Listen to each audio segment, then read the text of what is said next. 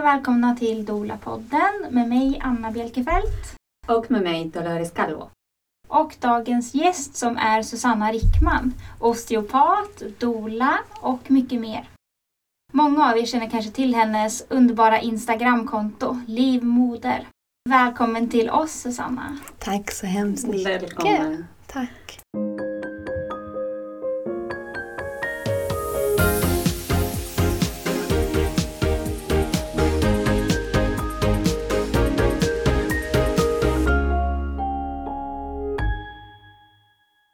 Vi kan börja med att fråga vem du är.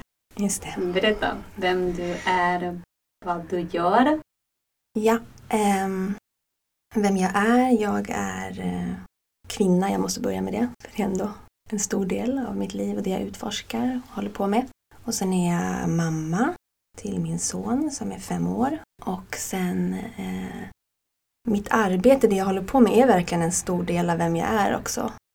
Min identitet. Eh, så jag brinner verkligen för det jag jobbar med. Jag jobbar som osteopat och eh, driver en klinik, en kvinnoklinik i Bagarmossen som är en södra förort till Stockholm. Och jag ger osteopatbehandlingar och lite andra kroppsbehandlingar. Och sen så är jag också förstås dola eh, och jobbar med födande.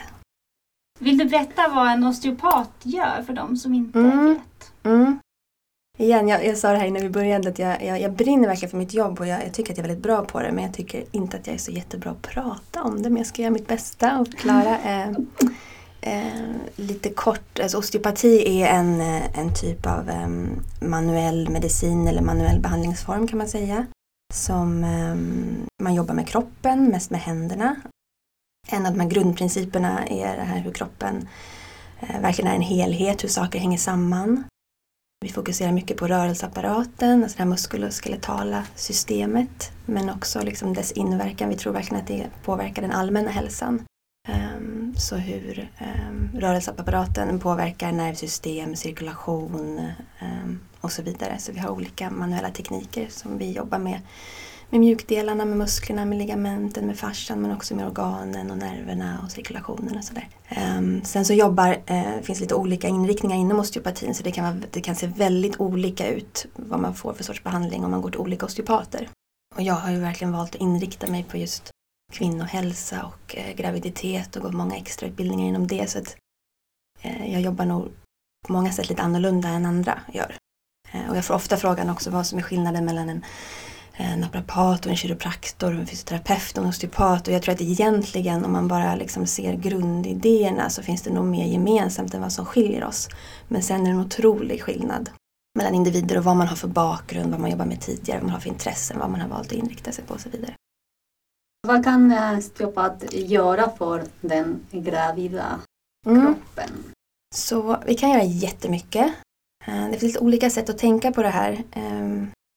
Man kan säga att vi behandlar individen som är framför oss. Så det är inte nödvändigtvis att man behandlar graviditeten i sig och eller ett visst besvärligt symptom utan man försöker se vad man har framför sig och sen så göra liksom funktionen i den kroppen eller om man ska säga bättre eller medvetgöra vissa saker och så vidare. Så att vi är ett litet konstigt läge i Sverige så osteopatyrket är för tillfället legitimerat i nio europeiska länder inklusive Finland och Danmark.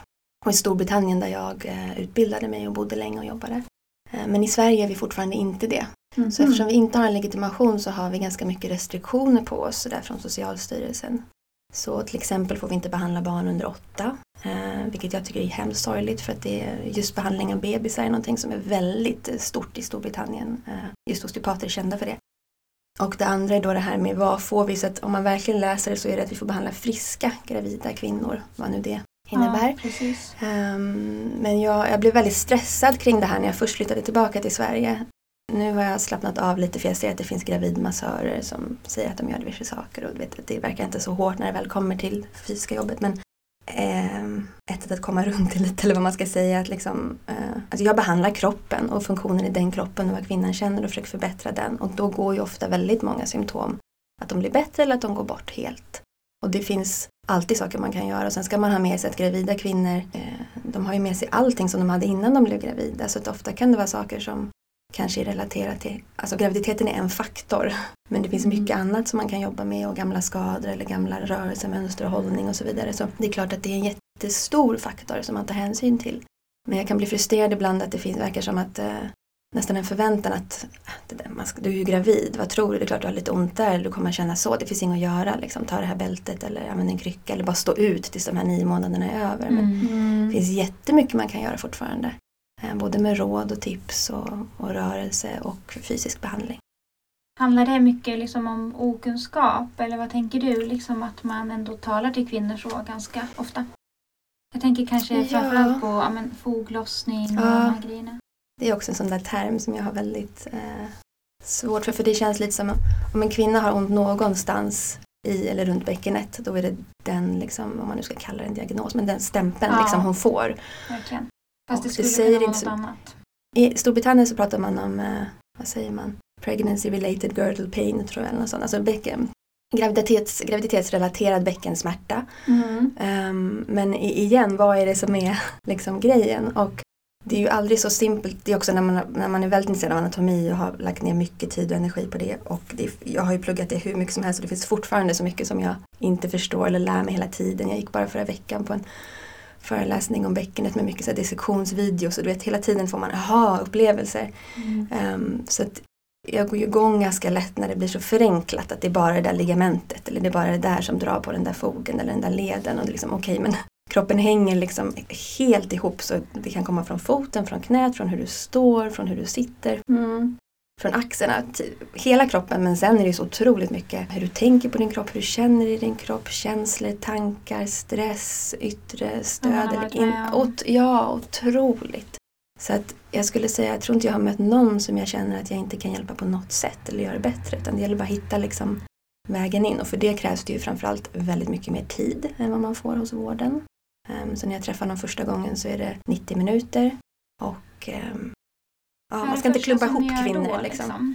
Jag pratar väldigt mycket med de som kommer till mig, mer än många andra. Jag har också längre tid. Det är också väldigt svårt. Det är också mina egna issues med att liksom hålla tiden och sådär. Men eh, jag känner att jag verkligen behöver det. Så att jag får en känsla av vem den här personen är och liksom lite mer om deras liv. Och sen så tittar jag på dem när de står och sitter, kanske rör sig eller böjer sig eller liksom beroende på vad det är för issue som de kommer med.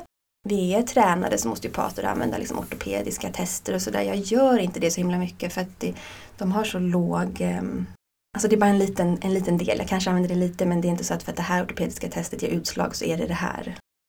Men neurologiska tester och så vidare kan vi göra om man tror att det behövs. Um, men sen är det mycket att man känner med händerna, liksom aktiva rörelser, passiva rörelser. Och sen som med alla liksom, diagnoser, man ska kalla det det, även inom vården är det ofta att man tittar tillbaka. Vi gjorde det här, vi hade någon idé, vi testade det här, vi ändrade det här, det blev bättre, okej då var det nog det. Att man kanske kan se det efteråt. Liksom. Vad söker kvinnor för när de kommer till dig? Vad kan det vara? Mm, en del kommer ju för att de har ont någonstans specifikt. Men sen jobbar jag också, alltså jag tror verkligen på det här med förebyggande och kroppsbehandling. Jag jobbar mycket med gravidmassage också och jag måste säga att jag väver in det rätt mycket i min osteopatbehandling. Att det blir någon blandning och också dolandet. Att så mycket av dolandet är det här samtalen, frågorna man ställer. Man sår ett litet frö så det blir väldigt mycket dola-samtal i behandlingen också. Så alla kommer ju inte för att de har ont utan en del kommer ju bara för att de vill eh, ta hand om kroppen på det här sättet. Lära känna sin kropp lite bättre, få vara i sin kropp, att de har frågor, funderingar, oro. Och sen ehm, vet vi ju också, liksom, vi vet att livmodern kommer växa och att vissa liksom, posturala förändringar kan man liksom förutspå så att säga. Så att en idé också med min osteopati är att om kroppen är väldigt så anpassningsbar som möjligt för de här förändringarna som ska komma, då är det också mindre chans att symptom uppstår. Så att beroende på var graviditeten är kan man också jobba i så liksom lite förebyggande syfte. Okej, okay du är väldigt stel här i nedre bröstrygg, revben, de här områdena som måste kunna expandera senare. Kan vi försöka göra någon behandling, övningar för det för att underlätta? Det blir mer tryck ner mot bäckenbotten och så vidare. Och så vidare. Um, och sen om man tänker in liksom mot slutet av graviditeten och inför förlossningen finns det jättemycket man kan göra där också. Och där är det många idéer som har funnits inom osteopatin väldigt länge som har um, plockats upp um, i det här med spinning babies till exempel och sådär som är väldigt likt tänk kring de här idéerna. Och jag vill väl säga att det liksom inte finns kanske då någon ren evidens bakom att det verkligen är så men de här idéerna genom att, att ehm, ändå liksom bäckenet och hur ligament fäster in i det och mjukdelar kan påverka hur livmodern kan expandera och positionen barnet kan ligga i och så vidare. Mycket sånt tänk finns inom osteopatin också. Så um, en del kommer bara några gånger innan, liksom mot slutet av graviditeten. Som en del i förberedelsen liksom, inför föda. Sen är ju jag mina, mina um, gravidmassagebehandlingar och sådär jag jobbat, jag jobbar ganska mycket med visualisering eller liksom andning, bilder, meditation. Att jag väver in saker så det kan också vara liksom, att försöka jobba på den känslomässiga nivån med att om man nu har någon stress eller rädsla att jobba med det i behandlingen. Eller om man har gått över det här datumet, om man är sen. Mm. Då är det många som också tycker om att komma bara för att landa igen och stärka sig i sin liksom, tilltro till kroppen och de här bitarna. Vill du berätta lite om fördelarna med att gå på gravidmassage? Mm. Det finns massor. Mm. Och mycket av dem, om man bara ska tänka massage generellt, kan man ju faktiskt få också genom att en vän eller partner eller jobbar själv och så. Så det finns ju allmänna fördelar med massage som, som eh, alla kan få. Det här med avslappning och viss hormonpåverkan på oxytocin och så vidare. Eh, men just med gravida tänker jag att det beror ju på hur massagen är utformad men att få vara i kroppen, att få positiv, eh, liksom skön stimulering av kroppen. Behöver inte, det, nu är det här, vad är skönt, vad är skön ont och folk har olika åsikter men, men eh, en stor komponent det här med faktiskt slappna av spända muskler och varva ner och jobba med det parasympatiska nervsystemet. De här bitarna är ju väldigt effektivt med massage. Mm, och efter förlossningen, vad, vad kan du hjälpa till med då? Mm, det är ett område som jag verkligen brinner för. Verkligen, för Jag tycker att det är så lite fokus på kvinnan efter och vården efter. Jag har inte exakt koll på hur det är men det kommer ofta upp i, i texter som jag läser eller som ett exempel så jag borde kolla upp det mer. Men folk pratar ofta om i Frankrike att de har de här fysioterapisektionerna fokuserade på bäckenet som ingår för alla efter. Som verkar som ett så bra exempel. Men um, det är ju väldigt lite, alla går ju inte ens på den här efterkollen hos barnmorskan och de som gör det då kanske man kollar liksom, har du hittat knipet ungefär. Jag som jobbar mycket med bäckenet direkt och också med interna behandlingar där man masserar musklerna i bäckenbotten. Jag kan ju tycka att alla kvinnor oavsett om man har en skada eller har en symptom eller besvär att det skulle vara liksom, eh, till fördel eller bra för vävnaderna för det är ändå en otrolig liksom, kraft och stretch och tryck och allt det här som har hänt. Så att ta hand om kroppen på det sättet. Men sen har man några symptom såklart så bör man ju gå på behandling och inte det här bara men jag har ju fött barn, varför väntar du dig? Eller liksom vänta utan och inte gå för en second opinion, gå till någon annan. Har du någon liten känsla av att allt är inte riktigt som det ska vara, verkligen se till att du får hjälp. Liksom, ge inte upp. Ehm, men om du har fått något stygn, vilket väldigt många får, även om det är lite så kan det finnas ärrvävnad som man kan jobba med. Ehm, och jag vill också säga att man behöver inte nödvändigtvis jobba på insidan, alltså genom vaginalmassage, utan man kan komma åt väldigt mycket av bäckenbotten, väldigt mycket runt på utsidan, liksom runt sittbenen. Och, ehm, och man kan göra saker själv, man kan få råd kring, men Ja, sen så har vi alla de här bitarna med ja, men andra delar av kroppen som kan göra ont när man har ett litet barn. Liksom, kring amning och stelhet och smärta i nacke och bröstrygg och brösten kan man jobba med direkt om man har problem. Och, eh, magen, det här att alla tarmar ska hitta tillbaka på plats, organen så där. Så efter åtta veckor så jobbar jag ganska mycket med, direkt med magen också. Mm. Har man haft kejsarfödsel igen får väldigt lite tips och råd om hur man faktiskt kan ta hand om kroppen efter. Så det finns bra information på, på, Youtube till exempel. Det finns bra videos man kan söka och man kan göra jättemycket själv. Men det kan vara skönt att gå till någon som också visar lite och får känna hur det känns. Och, och sådär. Men det kan göra stor skillnad om man faktiskt jobbar eh, med den här vävnaden efteråt. Se till att den är mjuk och rörlig. Och det kan man göra under hela första året. Man kan efteråt också men man kan mm. påverka det mer första året. När kan man börja komma till dig efter förlossningen? Jag kan behandla eh, det, alltså egentligen det finns ingen, man anpassar helt så jag skulle kunna behandla någon dagen efter. Jag gör det lite grann när jag har tid hembehandlingar. Men, men det finns ingenting som säger att man inte skulle kunna göra det redan på sjukhuset. Men då är det en viss sorts eh, beröring och en viss sorts behandling. Så man kan komma när som, men, men efter eh, åtta veckor då jobbar jag lite djupare, just det här med magen eller kanske jobbar liksom internt om någon vill eller känner det behovet. Och innan dess så är det lite mjukare behandlingar. Om man ska generalisera väldigt brett. Jag kommer ihåg själv från min förlossning att jag hade legat på sidan och hållit mig i något handtag på väggen där vid badkaret. Och, alltså jag hade, det är sån träningsverk. Alltså det där att bara få någon som går igenom nacke och axlar och rygg. Det kan man ju göra så fort man vill. Liksom. Jag kan önska att det fanns att det var som en del i vården av kvinnor efter. För alla. Att det liksom var något man bara kunde gå och få. Mm. Mm. Verkligen. Men eh, hur många liksom, har du vad ska man säga, kollegor, andra som du jobbar med i Stockholm som jobbar med, med samma saker? Det finns ju ganska många osteopater i Stockholm. Nu förstår jag att vi pratar om Stockholm för det ser nog lite annorlunda ut i olika delar av landet. Jag vill säga, vill man gå till en osteopat så är det väldigt bra att eh, se till att det är någon som är med i förbundet. Och, Anna, och ger de inte det, verkligen kolla upp deras bakgrund. För att just det här att vi inte är legitimerade så är titeln inte skyddad så att vem som helst kan egentligen säga att de är osteopat och jobbar med det.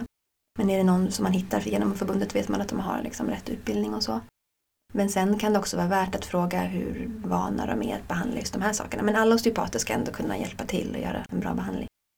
Det, det är någonting jag skulle vilja utveckla det här att man har lite samma tänk och jobbar på samma sätt. Och jag skulle behöva fler som jag kan referera till och jag har lite tankar om att kanske också göra någon liksom, vidareutbildningar eller jobba med andra som håller på med gravidmassage redan, kanske som har gått någon grundutbildning som vill lära sig mer eller andra osteopater som vill jobba mer med det här så att man faktiskt har en lite större grupp som man kan skicka folk till.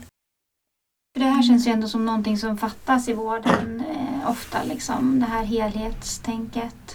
Mm. Mm. Så att det känns som att ja, mm. eh, man skulle vilja att fler också typ kände till att man kan få den här Mm. typen av hjälp. Mm, verkligen. Och mycket tänket egentligen kring det och det skulle man kunna få ut mer. Men det är också för att verkligen kunna uppskatta hur komplext saker är så behöver man också tid till saker. Saker måste få ta, att inte bara ge någon ett, eh, vad säger man, label liksom direkt att aha, du känner så här, du har nog det här. Och du jobbar också med Holistic Pelvic Care. Mm. Vill du berätta Ett lite annat om som är det? svårt att prata om, eller vad säga. Vad är Ehm. det för något? Ja, alltså jag var dragen väldigt mycket. Egentligen så var det först när jag själv blev gravid, om jag ska vara helt ärlig, när jag själv blev gravid som de här sakerna. Jag tror att innan dess, jag har jobbat som dansare, jag har gått dansutbildning sedan jag var väldigt liten och liksom hela vägen. Eh, Men, eh, så jag har jobbat med kroppen jämt, men, men väldigt så neutralt. Jag är inte, inte den kvinnliga kroppen utan bara Mhm. kroppen är kroppen. Och, det- och det var jättestor förändring för mig när jag blev gravid att det var så här, okej, jag har en kvinnlig kropp, vad betyder det? Och liksom hela intresset för vad det innebär och det, det, det som såddes då. Så, men även innan dess så har jag liksom varit intresserad och gått eh, olika kurser inom obstetrik, gynekologi, kvinnohälsa, alltså osteopatikurser. Och lärt mig att jobba med bäckenet på olika sätt. Men det har inte varit kanske för mig liksom rätt lärare eller rätt ingång. Eller det har känts fortfarande ganska medicinskt sterilt. Liksom i någon. Och sen eh, läste jag en bok som heter Wild Feminine som jag ibland delar. Sådär. Och jag brukar hålla bokcirklar, vi pratar om den. Och den verkligen berörde mig otroligt djupt och blev som någon startpunkt på att sen då genom den hitta massa andra böcker och kvinnor och olika typer av tänka på kroppen. Men då skulle hon komma till Europa för första gången och hålla en utbildning i det här Holistic Pelvic Care. Så hon heter Tammy Lynn Kent som har skrivit boken och hon har utvecklat det här. Hon är eh, fysioterapeut i grunden. Så då, utan att tänka så mycket, så där impulsiv som jag kan vara när det kommer till utbildningar, så bara åkte jag och gjorde det. Och det var fantastiskt, eh, men jag har fått liksom ehm, jag säger att jag ger Holistic, care holistic pelvic care-behandlingar och när någon har läst boken och redan kommer med den ingången då kanske vi jobbar lite mer på det sättet, eller vad man ska säga, som hon jobbar. Men annars har jag inkorporerat det där i osteopatin så att jag gör någon sorts blandning och jag känner att det är ändå den bakgrunden jag har, det är lite mer förankrat för att Holistic Pelvic Care jobbar väldigt mycket med energimedicin kan man säga. En, och jag är väl mer bekväm i det som jag redan kan och så försöker jag liksom lägga in bitar från det där. Men jag tror att det som gjorde att jag kände mig mer bekväm då att verkligen börja jobba med det här på ett sätt som jag vill är att ändå den här bredare förståelsen att det är inte bara muskler och ligament och här är en triggerpunkt och vi trycker på den och släpper här utan att det faktiskt också lämnar plats för, för känslor och upplevelser och tidigare trauman eller sin egen födsel eller sin mammas trauma. Alltså alla de här bitarna som är väldigt svåra egentligen att prata om eller sätta fingret på men att det får komma och inte att man ska trycka fram det eller, eller liksom, men att vad är det här? Och man märker när man börjar jobba på det mer öppna sättet att man kan trycka på en vävnad, man kan stretcha den, man kan försöka liksom, men jag kan aldrig tvinga en annan kropp att släppa på något eller egentligen förändra. Man kanske får till en kort förändring. Men om jag skulle känna igen imorgon så skulle det vara tillbaka. Mm. Men, och ibland att liksom med rätt fråga eller någonting i kvinnan där hon får släppa på någonting, någonting kommer upp eller hon får gråta eller hon får berätta någonting om något minne. Eller det är någonting energimässigt kan man säga, eller känslomässigt hur man nu vill sätta ord på det, i henne. Och då släpper all den där spänningen. Bara genom det där, jag gjorde inte så mycket, det var bara någonting, men det är plötsligt är det borta. Symptomen kanske försvinner eller något stort skift i hela kroppen.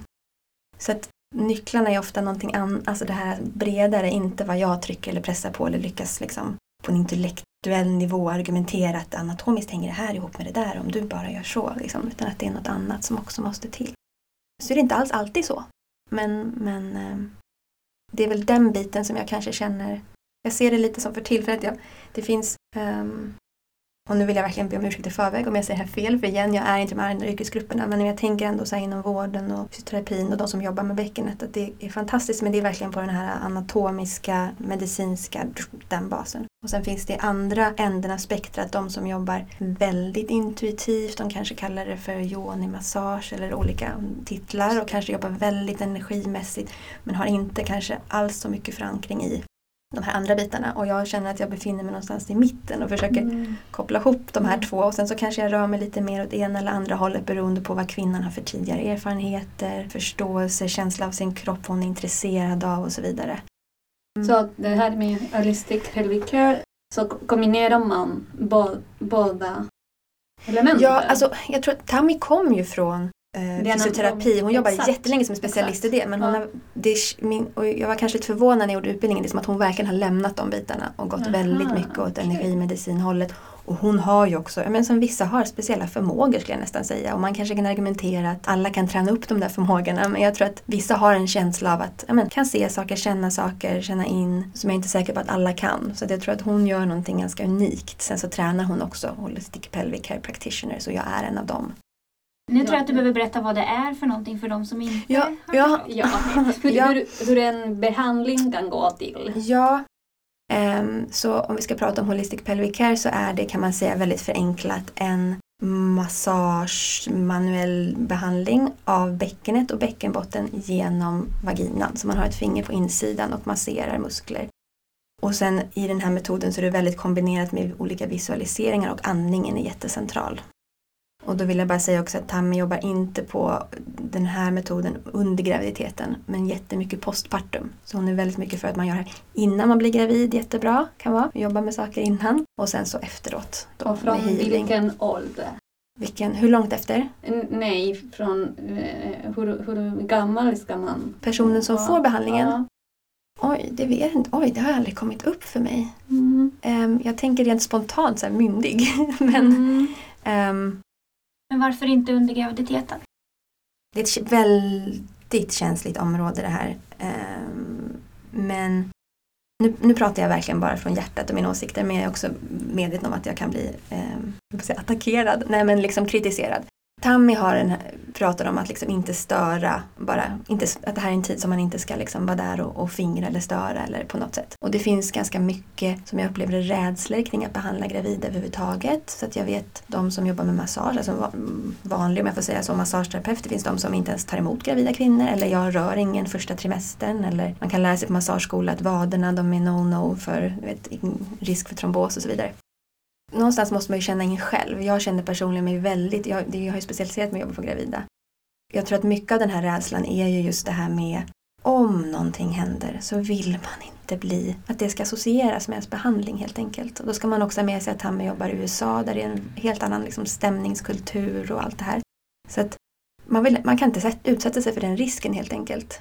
Och jag tror att det är lite liknande när jag gått på osteopatkurser i England och frågar om det här, men varför för jag kan ju se alla fördelarna med att jobba så här under graviditeten. Och jag hittar ju andra som gör det men då är de kanske också barnmorskor så att de kan liksom bakom någon annan titel eller liksom på något sätt använda det. Ehm, men det finns en kvinna till exempel, nu ska vi se vad heter hon? Maga Mamas heter hon på Instagram men hon är kiropraktor och jobbar mycket med, jag är väldigt inspirerad av henne. Och hon eh, ger vad hon kallar för birth rehearsal eh, behandlingar där hon jobbar mycket vaginalt. Så att jag, jag ska inte säga att jag aldrig gör det men det är ingenting som jag eh, har som en tjänst sådär som alla kan boka om man vill.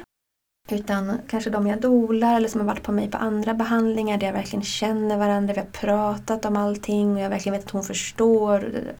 Det som gör att jag känner mig lite trygg i det, eller man ska säga, är ju det här att det finns verkligen inga som helst restriktioner när det kommer till medicinska råd från vården. Det är ingen som säger Använd inte en sån här sexleksak, ha inte sex på det här sättet, var försiktig att du inte rör din egen livmodertapp. Det finns, in, det finns inga sådana råd alls. Mm. Um, så att jag tänker att mitt lilla finger med all min liksom kunskap och erfarenhet och så mjukt som jag jobbar, det handlar liksom inte om... Där jag kan se att det har ett värde är om en kvinna till exempel vet med sig att hon är väldigt, väldigt spänd på grund av tidigare skador eller vet med sig att hon har väldigt mycket ärrvävnad. Så när man vet fysiskt att här kommer det finnas mycket saker. Och hon av någon anledning, ofta rekommenderar jag att jobba på sig själv och jag förklarar hur du kan göra det. Men det kan finnas olika anledningar varför hon inte vill eller kan eller känner att hon bara vill att någon visar lite.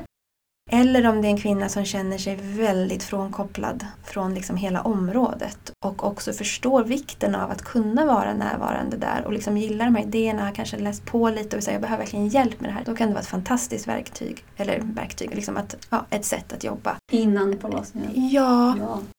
ja jag kan komma på massa exempel men liksom... Um, Ta en exempel. Ja, men, det kan vara att man till exempel haft jobbiga upplevelser, man vet att man är väldigt obekväm där. Alltså under, nu är det ju också så att, och jag pratar jag mycket med när jag dolar, att man inte behöver bli undersökt och så vidare. Att man liksom verkligen har rätt att säga nej och allt sådär. Men säg att man, man ska föda på sjukhus och man tror att man ändå kommer vilja det eller inte kunna komma stå emot, stå emot eller någonting. Och, och liksom den här idén att någon ska vara där och känna och så här, då kan det kanske vara bra att jobba med de här grejerna innan. Jag kan ju också önska liksom i min drömvärld att barnmorskor skulle ha med det här tänket och de här skillsen så att när de ändå är där att de skulle kunna inte liksom jag stretcha eller trycka eller öppna upp lite här utan liksom jobba med kvinnan. Kan du känna här? Kan du andas hit? Kan du släppa? Vad känns, hur känns det? När ja, kan man prata om hur mycket som helst men um, jag pratar också mycket om, ehm, alltså, desto mer jag dolar desto mer blir mina doula-samtal om sex och sådana saker. Och det beror på vem man pratar med men jag tänker att det är så otroligt viktigt det här området. Sätt? Alltså, nu ska det kanske sägas då också att jag dolar kanske lite annorlunda än många andra, att vi träffas rätt mycket. Så det är ingenting jag skulle, om jag hade ett församtal så kanske jag inte skulle så direkt börja prata om det, för det är inte riktigt, funkar inte riktigt. Men eftersom jag träffar dem jag dolar mycket och ofta är det också kvinnor som kanske har kommit till mig innan de ens blev gravida eller på många behandlingar och då finns det många tillfällen där det känns naturligt att ta upp det.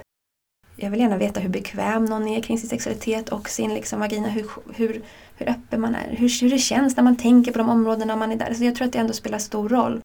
Och också om man har någon bild av att um, ja, men när jag träffar kvinnor, jag frågar ofta mycket om så här drömförlossningsscenariot eller sådär och det här beror jättemycket på vilken sorts relation man har och vad man är i den och så. Men ibland har jag kvinnor som ändå har en dröm om att de vill att det ska vara väldigt intimt och de förstår alla fördelarna med det och liksom men sen om man frågar lite hur har ni det nu eller liksom och så kanske de knappt har på varandra och inte har sex och inte onanerar och inte gör några av de här grejerna, inte kysser varandra.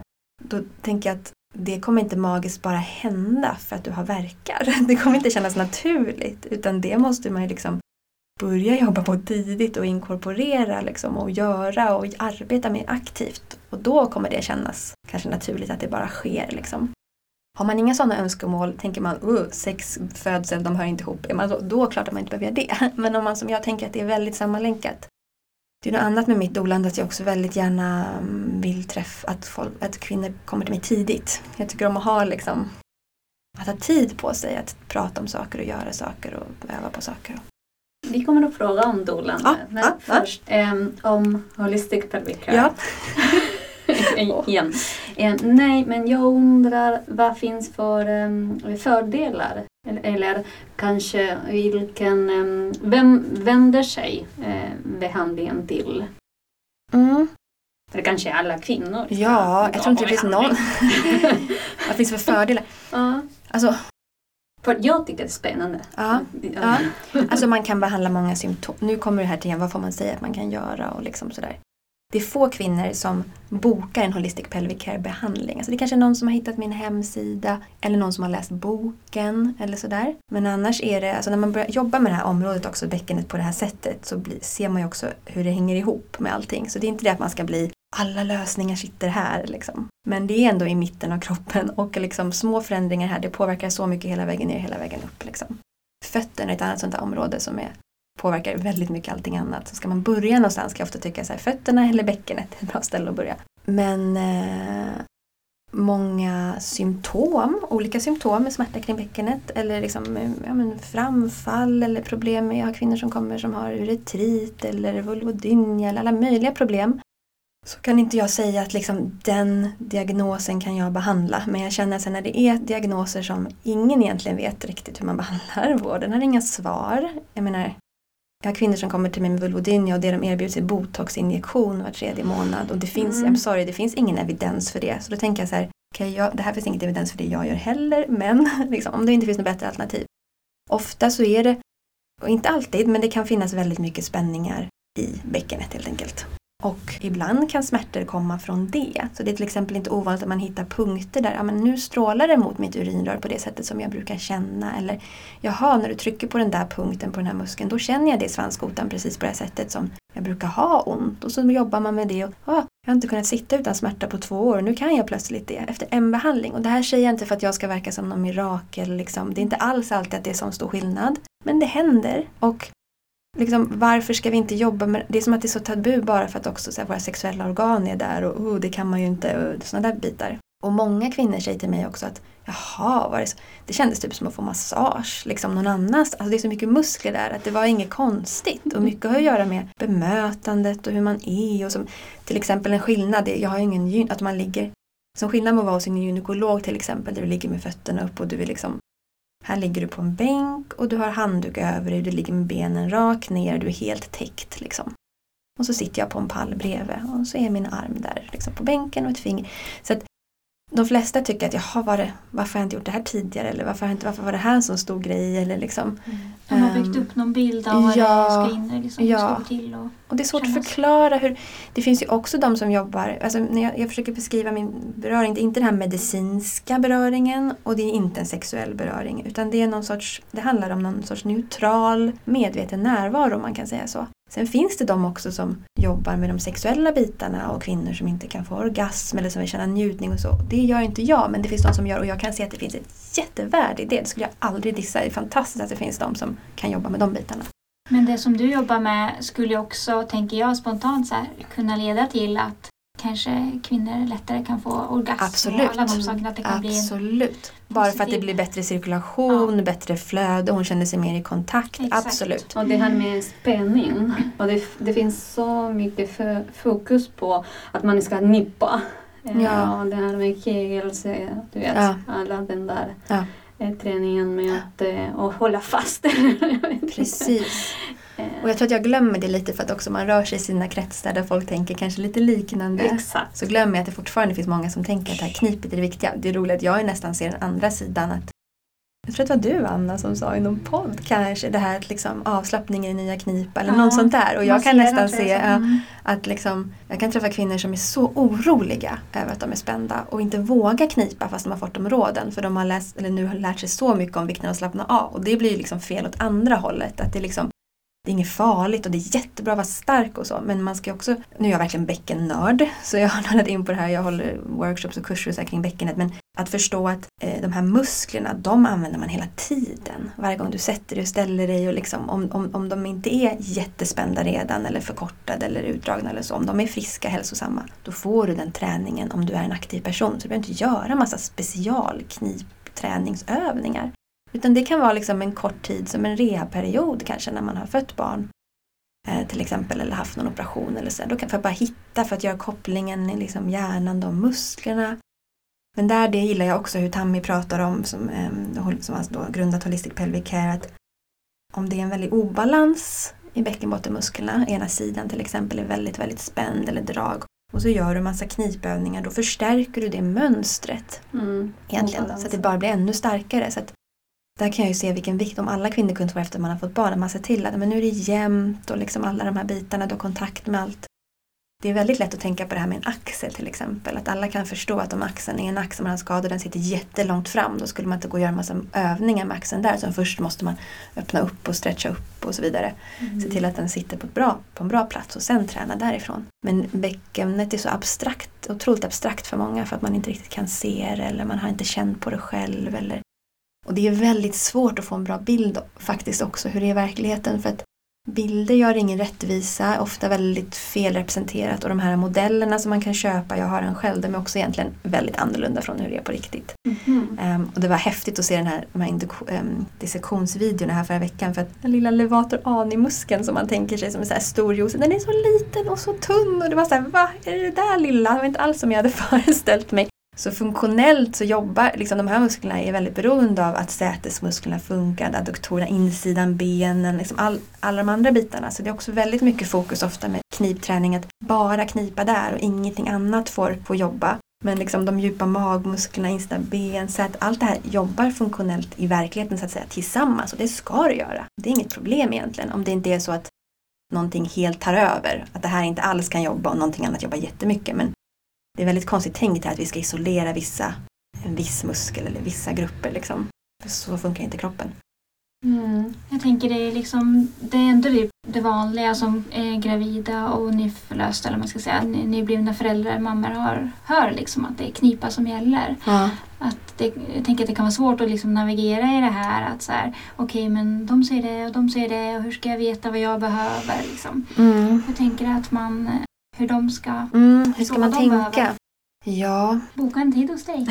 nej men, nej men man ska inte vara rädd för att knipa. Det vill jag inte att kvinnor ska vara. Och jag tror att just de här första veckorna efter att bara lite så få kontakten, att det kan vara bra för cirkulationen i området och bara så här. Också att jag skulle önska att kvinnor var mindre rädda att liksom titta på sig själva efter, känna alla de här bitarna. Ofta tror jag att man har en värre bild i huvudet. Liksom det känns som att man är söndersprängd eller öppen eller att det ska vara ett stort hål. Eller liksom, om man verkligen tittar så att ja, men det var inte så farligt. Liksom. Också innan, gärna titta innan så man vet om det är skillnad. Helst innan man ens är gravid för även under graviditeten så ser ju underlivet lite olika ut. Men det finns ju bra alltså så här, knipappar. Jag tycker inte man ska vara rädd för att göra dem. Men man kanske inte, jag träffar många kvinnor som typ har dåligt samvete för att de inte kniper varje dag, så här, lång tid efter. Det behöver man inte ha om du inte har något problem. Liksom. Och bara kanske ha Jag med träffade sig... en mamma som sa det idag. Ja, liksom, ja, man går runt med ständigt dåligt samvete. Ja. Typ, för det har de hört att det ska man göra varje dag resten av livet om man har fött barn. Jag glömmer bort hela tiden. Ja, ehm, så har man inget problem och har man upplever man att man har något symptom, en tyngdkänsla eller att man läcker eller såna här saker. Bara förstå att det kanske inte är så enkelt som att man bara måste knipa mera. Utan liksom, ja.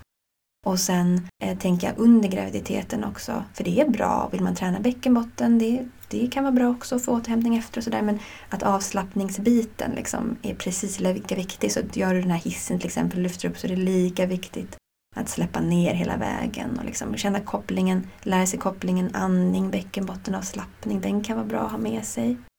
Och sen kan jag tycka att det är bra, det upp, jo men på tal om det här också att man inte skulle få jobba med gravida, eh, perinealmassage rekommenderas. Det är ju ingen som säger att man inte får göra själv.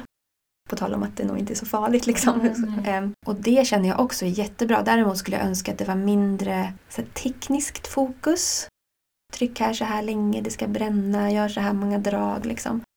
Och mycket mer bara var liksom en medveten närvaro i det området, andas dit, känn in, bekanta dig med, liksom ha kontakt med, känn njutning i de här områdena under graviditeten. De här bitarna. Mm. Eh, men, eh, mm. Jag tänker ju så här när vi pratar Susanna, eh, varför blev du osteopat? Ja, på tal om impulsivt, jag hoppade på det ganska, den utbildningen också ganska snabbt. Nej men jag var som sagt, jag var dansare, hade en del skador och sådär. Och sen så utbildade jag mig till massageterapeut. Det här var ju, ja, det är över 15 år sedan nu. Och så jobbade jag som massör på dansskolan lite grann. Ja, Men du vet, man är koreograf och man har projektanställningar och det kändes som ett bra jobb att ha. Tjäna lite extra pengar. Och osteopati är ju väldigt vanligt i England och de flesta dansskolor och danskompanier jobbar med en osteopat. Så det fanns en där. Och då blev jag väl lite inspirerad av henne och kände väl det här. Jag har ju det här att jag alltid vill veta mer och känner att jag inte kan tillräckligt mycket. Jag lider fortfarande mycket av det. Um, liksom vill göra mer, mer kurser, lära mig mer. Så då kändes det som en naturlig och då trodde jag faktiskt aldrig att jag skulle bo i Sverige igen. Så jag hade inte alls koll på hur det funkade här. Utan det var liksom ett riktigt, om man får säga så. Det var liksom ett yrke som folk vet vad man gör och liksom lite sådär. I England. Ehm, I England. Så jag tänkte att, ja precis. Och då, ja, då hoppade jag på den utbildningen helt enkelt. Och hur länge har du jobbat nu? Jag var färdig som osteopat 2012. Sen hade jag ett litet ett och ett halvt år som jag reste också innan jag blev gravid. Så det kanske inte riktigt räknas fast jag volontärarbetade som osteopat i Nepal bland annat. Och sådär. Så lite grann höll jag på och fick spännande erfarenheter men mest var jag ledig.